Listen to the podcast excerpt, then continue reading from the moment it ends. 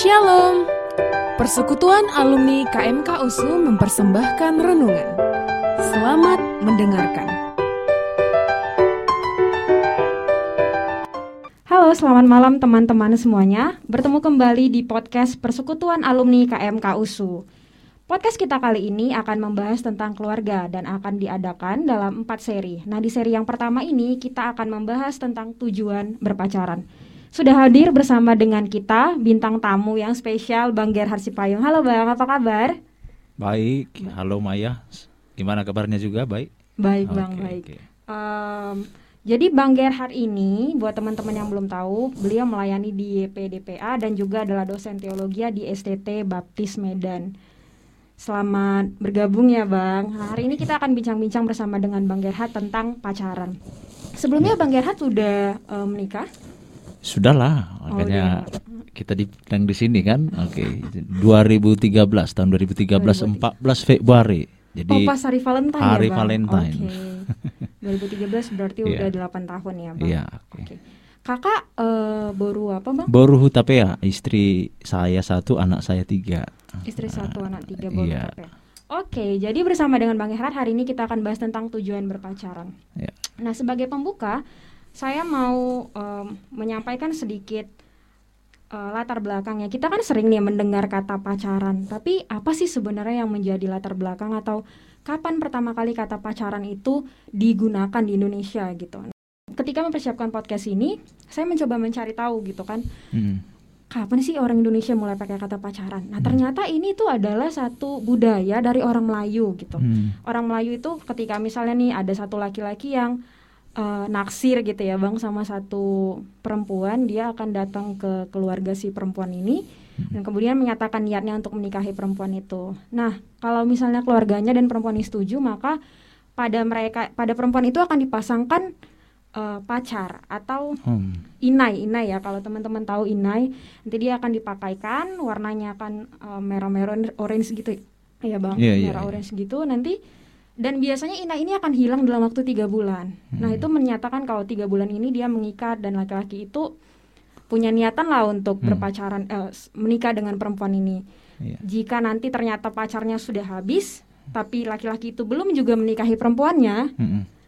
maka perempuan itu berhak menjalin hubungan dengan pria lain Wah, baru Nah, baru jadi tahu saya ini, baru tahu saya. dari kata pacaran. Berarti memang ini konteksnya serius ya bang. Iya, iya, memang ada iya, tujuan iya. untuk pernikahan. Ha-ha. Nah, mengacu ke penjelasan singkat yang tadi itu, eh, menurut abang gimana sih sebenarnya konsep berpacaran zaman sekarang? Dari eh, apakah ada pergeseran dari cara orang dulu memaknai pacaran dengan sekarang gitu? Bang? Ya, kalau aku lihat ya, di zaman saya juga berpacaran itu seperti sebuah style ya, sebuah style. Apakah orang itu bisa dikatakan dewasa kalau dia sudah berpacaran? Bahkan juga kalau nggak pacaran itu dia nggak nggak normal gitu. Apalagi misalnya belum pernah pacaran, seperti misalnya sudah sudah kuliah belum pernah pacaran, alah belum pernah pacaran gitu. Dianggap kita ini seperti tidak normal. Jadi saya lihat itu seperti sebuah tren dan menjadi apa namanya seperti standar kenormalan gitu. Nah saya lihat itu sih persoalan yang sering terjadi orang berpacaran. Bahkan ada alasan juga untuk mengisi waktu dan memberikan semangat. Ya itu itu hal-hal yang iya, sering. iya, dulu sering sih Iya. waktu SMA. Kenapa Iya. pacaran sama ini? Iya, biar Hmm. semangat belajar gitu Ha-ha. ya bang ya benar-benar. Iya. Nah ini em, berarti banyak dong bang orang yang pacaran tapi sebenarnya dia belum punya niatan ke arah pernikahan ya bang. Ya makanya saya sering katakan kepada apa namanya kepada orang-orang yang mau berpacaran, kalau kita mau menjalani hidup ini definisikan dulu arti hidupmu. Misal nih, apa maksud pernikahan? Apakah pengertian pernikahan menurutmu berpacaran itu? Jadi definisikan dulu. Karena kebetulan saya ngajar juga di eh, di di di Poltekkes itu semua wanita itu ya rata-rata bidan. Jadi kalau kalian misalnya berpacaran, definisikan dulu, tanya dulu pacarmu. Coba definisikan apa arti berpacaran.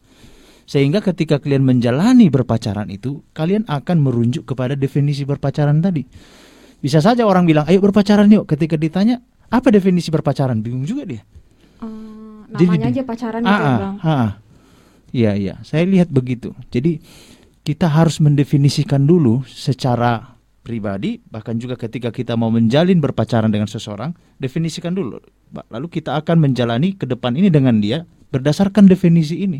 Berarti kalau gitu definisi saya dan pasangan saya berpacaran ini harus sama ya, Bang? Harus sama dan disamakan dan disetujui bersama-sama. Karena banyak orang berpikir berpacaran itu adalah contoh ya, ada laki-laki ya sebelum saya bertobat saya sering mendengarkan apa perkataan-perkataan kawan saya itu jadi berpacaran itu adalah untuk menjadikan pacar ini gosok baju, nyuci pakaian.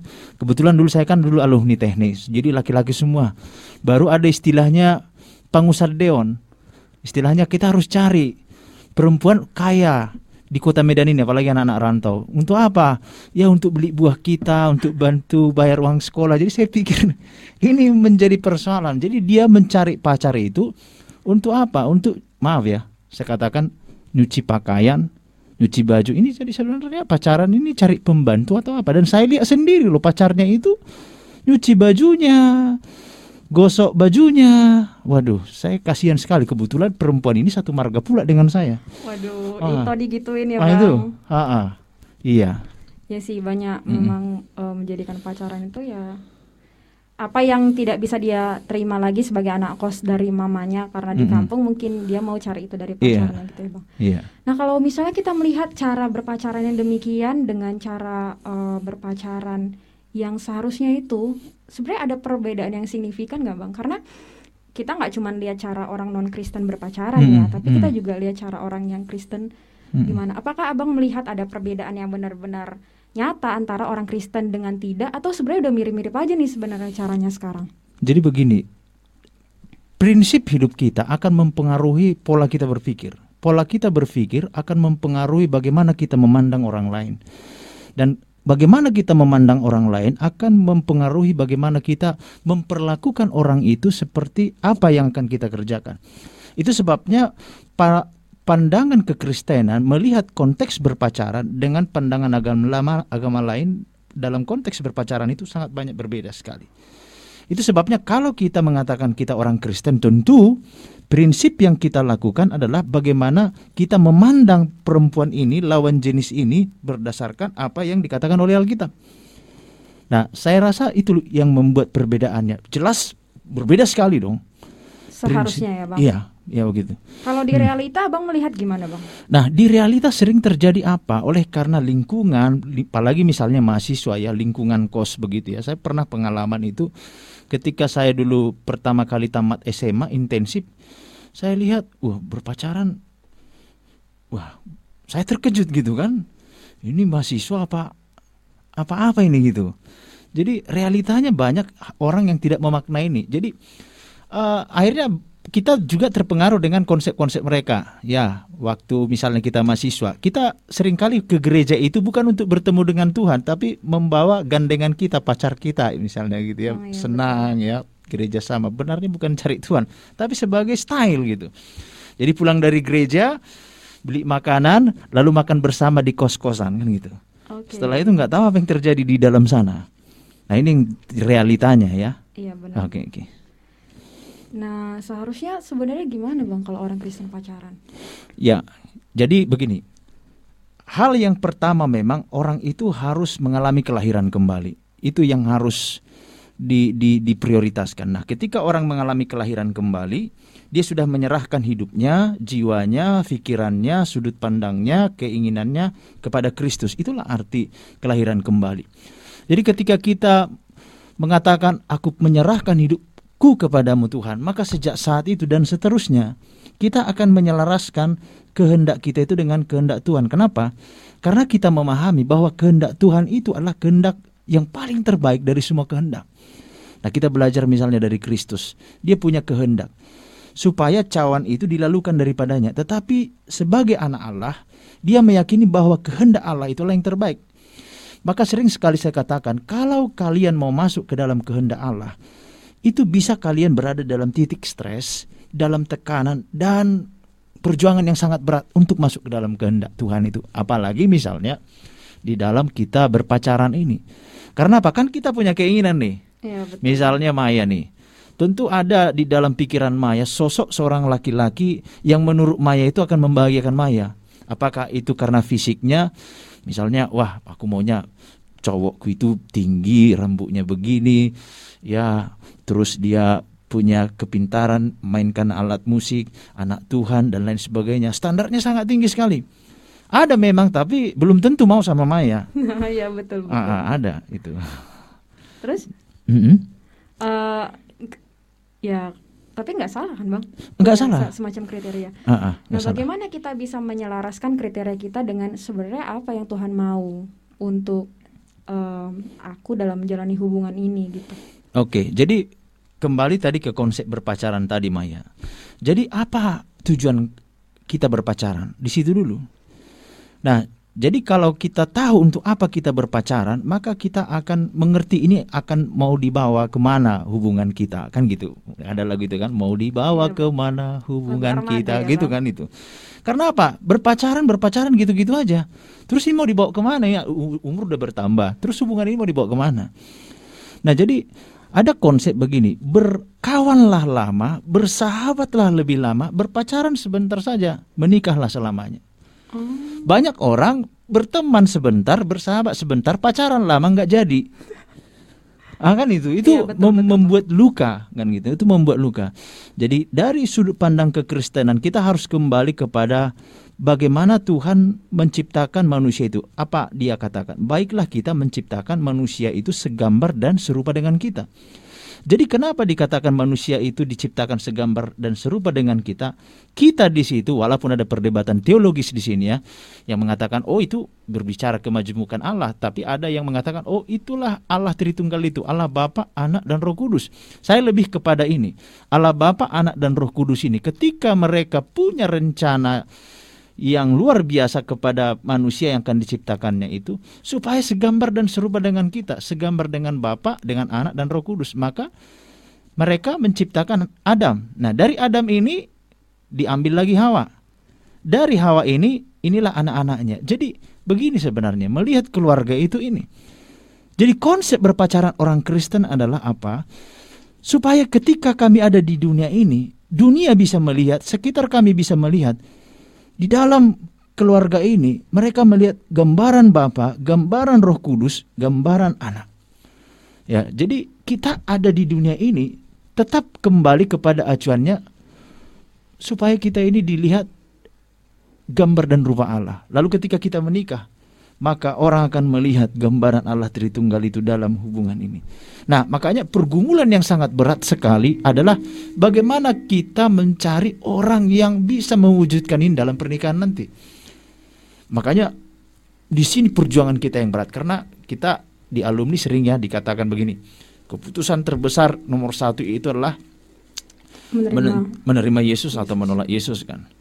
Karena ini berbicara surga, berbicara hari ini dan setelah mati. Nah, yang kedua itu tadi memutuskan siapa yang akan kunikahi. Karena apa? Kalau pekerjaan bisa diganti. Kalau tempat tinggal bisa diganti, tapi kalau istri nunggu mati dulu baru bisa diganti kan. Betul betul bang. Nah, makanya itu tadi, ndak ndak gampang sekali. Nah, saya lihat di situ Maya, beda kita memandang konsep berpacaran itu dari sudut pandang agama lain ataupun eh, dunia ini. Nah tadi kan abang ada mention sedikit nih bang tentang ah, nggak sedikit sih sebenarnya waktu abang sampaikan Iya. eh, bertemanlah lama, bersahabat lama, pacaran sebentar, kemudian menikah selamanya. Berarti kalau dari sini eh, saya bisa saya coba simpulkan berarti proses pendekatan itu sepenting itu ya bang. Kira-kira kita seharusnya ngapain ya bang selama pendekatan? Ada Nah. tips nggak? Ini selama pendekatan harusnya begini gitu. Nah, ketika kita misalnya berteman dengan seseorang, sering sekali begini, ada konsep begini, ah dia kan udah kawanku, udah kuanggap kawan gitu. Akhirnya kita menutup diri untuk menjadikan dia teman hidup kita. Banyak orang yang menikah dengan seseorang, tetapi setelah menikah nggak bisa jadi temannya. Dia cari temannya dulu waktu kuliah. Nah, seharusnya kan ketika kita menikahi seseorang itu, dia akan menjadi teman kita, dia akan menjadi abang kita kalau kita misalnya perempuan, dia akan menjadi ayah kita kalau dia misalnya laki-laki, perempuan juga. Nah, ada pada dia di situ. Makanya ketika saya berbicara itu bersahabatlah lebih lama, berteman bertemanlah lama, bersahabatlah lebih lama, berpacaran sebentar, menikahlah selama-lamanya. Kenapa? Karena di dalam pertemanan itulah kita akan lepas dari tanda kutip ya, hal yang kita sembunyikan dalam masa berpacaran. Makanya banyak orang kan di dalam berpacaran itu banyak sebenarnya yang disembunyikan itu. Ya, misalnya pacarnya datang nih, padahal tadi kamarnya berantakan, bajunya berantakan. Ketika pacarnya datang, eh tiba-tiba semua masukkan, masukkan semua bajunya, masukkan ke dalam lemari, kunci segala macam, beres-beres gitu. Tapi kalau berteman kan nggak itu. Uh, jadi sudah transparan semuanya. Nah, ada ada chemistry kita bersama dia. Kadang kalau misalnya bertengkar bertengkar, tapi ada bertengkarnya itu bertengkar senang gitu ya ah sana kau aku nggak mau sama seperti kau misalnya yang bukan tipe ku kayak kau. Aku pun bukan tipe nah sebenarnya di situ ada chemistry iya betul betul. Ada chemistry nah, dibangun ya bang iya. jadi kadang hati-hati kita jangan pakai istilah begini. Dia udah kuanggap teman akrabku. Justru sebenarnya pernikahan itu adalah sebuah persahabatan. Persahabatan. Nah jadi kalau misalnya kau dekat dengan seseorang nah apa maksud Tuhan membuat kau dekat dengan dia doakan apakah ini dia Tuhan kan gitu. Nah jadi pertemanan itu jangan kita abaikan. Nah misalnya bisa saja dalam pertemanan itu satu pihak yang ternyata punya hati gitu yang satunya lagi enggak gitu. Nah gimana ini? Bisa pertemanan jadi rusak gara-gara ini kan? Yang enggak punya hati misalnya ini perlu juga didoakan. Nah, jadi pertemanan itu di situlah langkah sebenarnya kepada pertemanan selama-lamanya ada yang bilang memang yeah. bang uh, nggak ada itu pertemanan sejati antara perempuan dan uh, laki-laki. Pasti ada salah satu yang menaruh hati. Hmm. menurut abang itu valid nggak statementnya? Biasanya ada itu ya. Hmm. seperti film kuc kuc hutahe kan? Film kuc kuc hutahe. Nah ternyata di dalam film itu ya saya sangat senang sekali film itu. Ternyata dia baru kemudian hari menyadari bahwa memang Iya ya, mungkin apa namanya seperti Angel itu kan, mungkin karena kurang bergaya. Jadi kelemahan laki-laki itu kan visual ya. Visualnya ya. Padahal dia nggak menyadari, laki-laki ini nggak menyadari bahwa sebenarnya ada hal di dalam dirinya yang yang yang dia butuhkan itu adalah seorang sahabat. Nah, dia dapatkan dari sini persahabatan. Tetapi mungkin ah kurang menarik, kurang cantik, Nah, di di sana dia lihat oh cantik dan lain sebagainya. Tetapi apa yang terjadi setelah menikah? Banyak peristiwa-peristiwa seperti itu dia nggak cocok dengan istrinya, lalu kemudian dia menjalin komunikasi dengan kawan lamanya. Dia punya masalah dengan istrinya, dia ceritakan dengan ini. Nah, banyak hal yang terjadi seperti itu. Akhirnya malah ya mungkin terjadi affair atau gimana setelah menikah. Mungkin nggak affair, tapi ada penyesalan kok enggak Kenapa dia, dia kok enggak dia ya kan dia, gitu. gitu ya bang iya kok enggak ya, dia betul. dulu gitu jadi tadi dari penjelasan bang Yahya teman-teman uh, berarti penting ya memang buat kita itu untuk berteman dengan lawan jenis sebaik-baiknya dengan motivasi yang baik juga dan mm-hmm. uh, transparan tadi ya bang iya. nggak berusaha untuk menampilkan image terbaik cuman supaya disukai tapi ya namanya membangun persahabatan pasti harus ada keterbukaan satu dengan yang lain ya bang. Iya iya. Nah terus tadi di bagian awal aku uh, ingat abang ada cerita tentang kan kita itu ada penderitaan ya dalam sebuah relasi itu biasanya ada juga itu penderitaannya gitu. Hmm. Aku jadi teringat bang. Sekarang belakangan ini kan nggak tren tuh istilah bucin atau hmm. budak cinta. Hmm. Nah ini biasanya para bucin-bucin ini mungkin ada juga teman-teman yang diajakin bucin ya sama uh, lingkungannya, hmm. gitu dan biasanya menderita gitu. Yeah. Menurut abang apa batasan-batasan sehingga ini si A sudah bisa nih dikategorikan bucin? Manusia itu dikendalikan biasanya pikirannya dan perasaannya. Biasanya kan kadang kita bilang aku rasa, saya rasa. Biasanya perempuan ini saya rasa bang. Kalau laki-laki saya pikir gitu. Jadi dua hal inilah yang membuat kita mengambil sebuah keputusan. Nah makanya di dalam berpacaran itu dan itu saya terapkan waktu saya berpacaran. Saya tidak mau memberikan 100% hati saya kepada seseorang. Walaupun seperti bercanda saya bilangnya begini, kalau kau misalnya berikan hatimu sama seorang pacarmu dan ketika dia putusin kamu, kamu nggak punya hati lagi, kamu nggak punya perasaan lagi, bisa kamu mati rasa, akhirnya kamu bunuh diri, terus kamu nggak punya perasaan lagi kepada orang yang datang samamu. Karena apa? Kamu telah memberikan hatimu ini kepada pacarmu. Dan Alkitab mengatakan itu. Makanya Simpson kehilangan kedua matanya karena apa? Karena dia jadi budak cinta kan. Samson Samson Salomo juga dia kehilangan apa namanya ke ke ke kebijaksanaan Alkitab mencatat tidak ada orang seperti dia sebelum dia dan sesudah dia. Tapi ketika dia jadi budak cinta, dia menjadi orang yang bodoh menyembah patung. Bukankah itu sebuah kebodohan? Di dalam konteks perjanjian lama menyembah patung. Nah, jadi misalnya Adam dan Hawa lah misalnya. Kenapa sih Adam dan Hawa itu akhirnya makan buah pengetahuan yang baik dan yang jahat itu? Saya lihat di situ walaupun tidak dikatakan oleh Alkitab. Saya lihat di sini dia tanda kutip ya bucin juga sama Hawa. Bisa saja Hawa bilang begini, Adam, aku udah makan nih. Kan Alkitab katakan waktu Hawa itu makan tidak terjadi apa-apa. Artinya Tuhan masih kasih kesempatan kepada Adam untuk marahin Hawa, untuk uh, untuk menegur Hawa. Tetapi akhirnya Adam itu mengambil keputusan dia lebih mencintai Hawa daripada perintah Tuhan. Perintah Tuhan.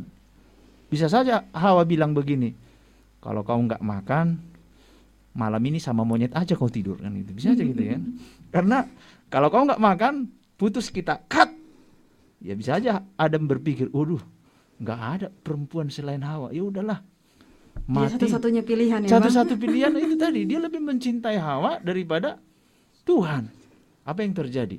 Kerusahan yang sangat fatal sekali terjadi. Sampai seperti yang kita alami sekarang. Nah, ini yang menjadi persoalannya gitu. Maka jangan pernah jadi budak cinta. Alkitab juga katakan, kasihilah Tuhan Allahmu dengan segenap hatimu, dengan segenap jiwamu, dengan segenap pikiranmu, dengan segenap hatimu. Dan salah satu tokoh yang berhasil dalam hal ini saya lihat Ayub. Ketika istrinya katakan, kutukilah Allahmu. Masa engkau tetap setia kepada dia? Ayub bilang apa? Kau seperti perempuan gila. Keras nggak itu sama seorang istri bilang begitu? Begitu. Seandainya Ayub tidak tegas kepada istrinya pada saat itu, kita tidak akan melihat setelah selesai pergumulan Ayub apa yang terjadi kan. Dan demikian juga waktu itu Daud ketika dia menari-nari istrinya ngejek-ngejek dia. Masa raja Israel menari-nari seperti ini katanya. Daud bilang apa? Lebih dari situ aku akan lakukan karena aku mencintai Tuhan. Jadi hati-hati dengan yang namanya budak cinta itu. Bukan membawa kebahagiaan tetapi kehancuran. Ya namanya perbudakan pasti bawa penderitaan ya bang. Ya. Gak ada perbudakan yang membawa maksudnya kegembiraan kesenangan hanya perbudakan kepada Tuhan saja itu yang membuat bahagia kan? Udah Tuhan. Iya. Ya. jadi kira-kira misalnya abang lihat Maya nih. Ya. Maya abang perhatikan kamu udah jadi budak cinta sekarang gitu. Hmm. kira-kira karena abang melihat apa bang? Nah begini. Ketika seseorang itu menjadi budak cinta apa artinya? Dia nggak bisa hidup tanpa cintanya itu. Aku nggak bisa hidup tanpa dia bang. Kalau aku nggak menikah dengan dia lebih bagus aku nggak nikah kan gitu.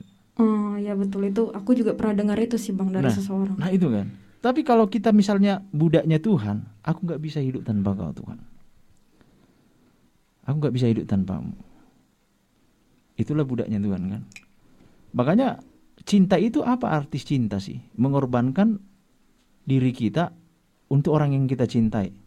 Makanya ketika orang sudah mencintai Tuhan di atas semuanya, dia akan ikut apa yang Tuhan inginkan karena Yesus sudah memberikan semuanya kan. Itulah cinta yang terbaik. Misalnya Maya misalnya. Ada orang yang suka sama Maya. Bisa saja dia suka samamu, mungkin saja fisikmu ke yang ada padamu. Tapi pernah nggak kita kepikiran, misalnya nih, ya, janganlah dulu Maya, misalnya ada perempuan nih, cantik nih, disukai oleh seorang laki-laki. Eh rupanya perempuan ini mau diajak mau nikah ini. Eh rupanya setelah beberapa bulan kemudian difonis dokter satu bulan lagi mati gitu. Kira-kira si laki-laki ini masih mau nggak nikahin dia? Walaupun ada di film-film ya, walaupun ada di dunia nyata, ada yang menikahi mayat gitu. Lalu mereka katakan, oh inilah cinta yang sejati. Atau misalnya ada orang misalnya yang mencintai seorang perempuan ini, rupanya perempuan ini terbakar wajahnya oleh karena bagaimana? Apakah masih bisa dijamin 100% cintanya? Nah, itu dia kan. Itu jadi kadang kita ini sulit membedakan mana cinta dan mana sebenarnya nafsu. Hmm, ya betul bang. Iya kan. Nah, Bang, tadi kan Abang ada bahas tentang ada singgung sedikit tentang Hmm. cinta atau nafsu gitu ya, Bang. Nah, aku mau tanya soal kekudusan ini, Bang. Iya. Kan ada beberapa ya aku belajar sih kalau misalnya orang Kristen pacaran tentu kita harus menjaga kekudusan gitu. Iya. Tapi ada ternyata ada dua pemikiran soal kekudusan ini. Ada Hmm. orang yang berpikir bahwa kekudusan itu hanya bicara soal em, tidak melakukan kontak fisik, Hmm. tidak berciuman, tidak bobok bareng dan lain dan hal-hal sejenisnya gitu. Hmm. Tapi ada juga yang berpikir bahwa nggak sampai di situ karena Firman Tuhan sendiri bilang Hmm. Eh, berzina itu maksudnya Hmm. jangan berzina itu bukan cuman bicara soal melakukannya secara langsung tapi Hmm. melihat perempuan dan menginginkannya di dalam hati Hmm. itu pun sudah berzina Hmm. gitu ya bang. Menurut abang ada nggak hal yang lebih krusial sebenarnya soal kekudusan daripada sekedar yang nampak-nampak itu bang yang kelihatan dilakukan? Iya. Di dalam perjanjian lama ketika bangsa Israel itu dipilih oleh Tuhan, Alkitab katakan, "Kuduslah kamu sebab aku kudus." Jadi di dalam pernikahan itu, kenapa kita kudus? Karena Tuhan kita itu kudus. Jadi tidak hanya sebatas tidak bisa pegang ini, tidak bisa pegang ini, tidak bisa pegang ini, tetapi apa? Status kita itu aku anak Tuhan. Jadi ini menyeluruh bagaimana kita berpikir dengan caranya Tuhan, berbicara dengan caranya Tuhan dan ini kan butuh proses. Jadi kekudusan itu tadi aku kudus karena Tuhan kudus. Kuduslah aku sebab kamu kudus. Maka ketika misalnya kita berpacaran, pegang tangan pun misalnya kenapa kau pegang tangannya? Apakah menyatakan kasih Allah? Nah, itu saja saya lihat di sana. Jadi menjaga eh, bagaimana kita berpacaran, melihat hal-hal yang bisa saja membuat kita jatuh ke dalam dosa karena ada orang justru ketika selesai mereka jam 2 sama, mereka justru jatuh ke dalam dosa hubungan suami istri. Ah, Ini anak-anak Tuhan ini loh. Akhirnya mereka nikah kan. Justru setelah jam 2 sama. Jadi lihat kondisinya ketika misalnya berpacaran, maka saya katakan tidak ada acara di dalam kamar, tidak ada acara berduaan di tempat yang nggak ada orang di sana.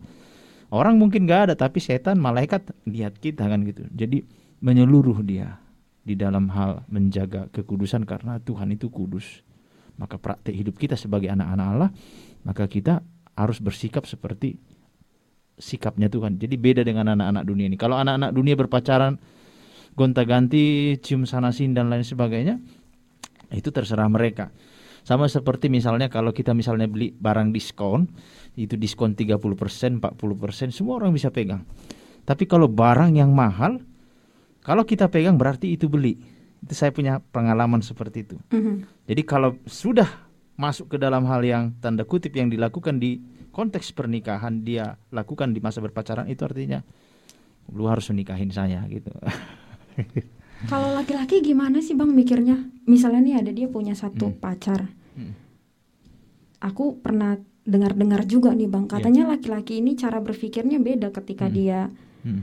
semakin sering berhubungan, eh, maksudnya semakin sering melakukan kontak fisik dengan perempuan, Hmm. nilai perempuan itu semakin rendah di mata dan pikirannya gitu. Mhm. Tapi kalau eh, karena otak perempuan dan laki-laki beda kan bang cara Iya, berpikirnya kan. Kalau laki-laki dikasih sesuatu, Hmm. dia jadi pingin lagi karena nafsu. Kalau Iya. perempuan katanya misalnya mereka udah melakukan Hmm. kontak fisik yang terlalu jauh, ketika m- mungkin pacarnya tidak menyentuhnya lagi, dia Hmm. jadi merasa kok dia nggak cium aku ya hari ini? Apa dia sudah nggak cinta lagi? Akhirnya ada satu perasaan tidak dicintai yang muncul bang. Kalau misalnya eh, dia tidak diperlakukan gitu lagi sama pacar, ini bahaya juga ya bang. Bahaya sekali. Itu sebabnya jangan menggunakan perasaan menjadi standar engkau menjalin hubungan dengan seseorang. Maka di awal saya katakan, jangan pernah memberikan hatimu, perasaanmu kepada seseorang. Nanti hatimu dibawa, nah di situlah kau akan kehilangan semuanya. Karena apa? Kalau sudah hati ini dapat, kita akan berikan semuanya. Seperti lagu Ari Lasso itu kan, sentuhlah Sentuhlah dia tepat Ha- di hatinya. hatinya. Jadi kalau sudah tersentuh hatinya dia akan berikan semuanya. Nah, akibatnya apa?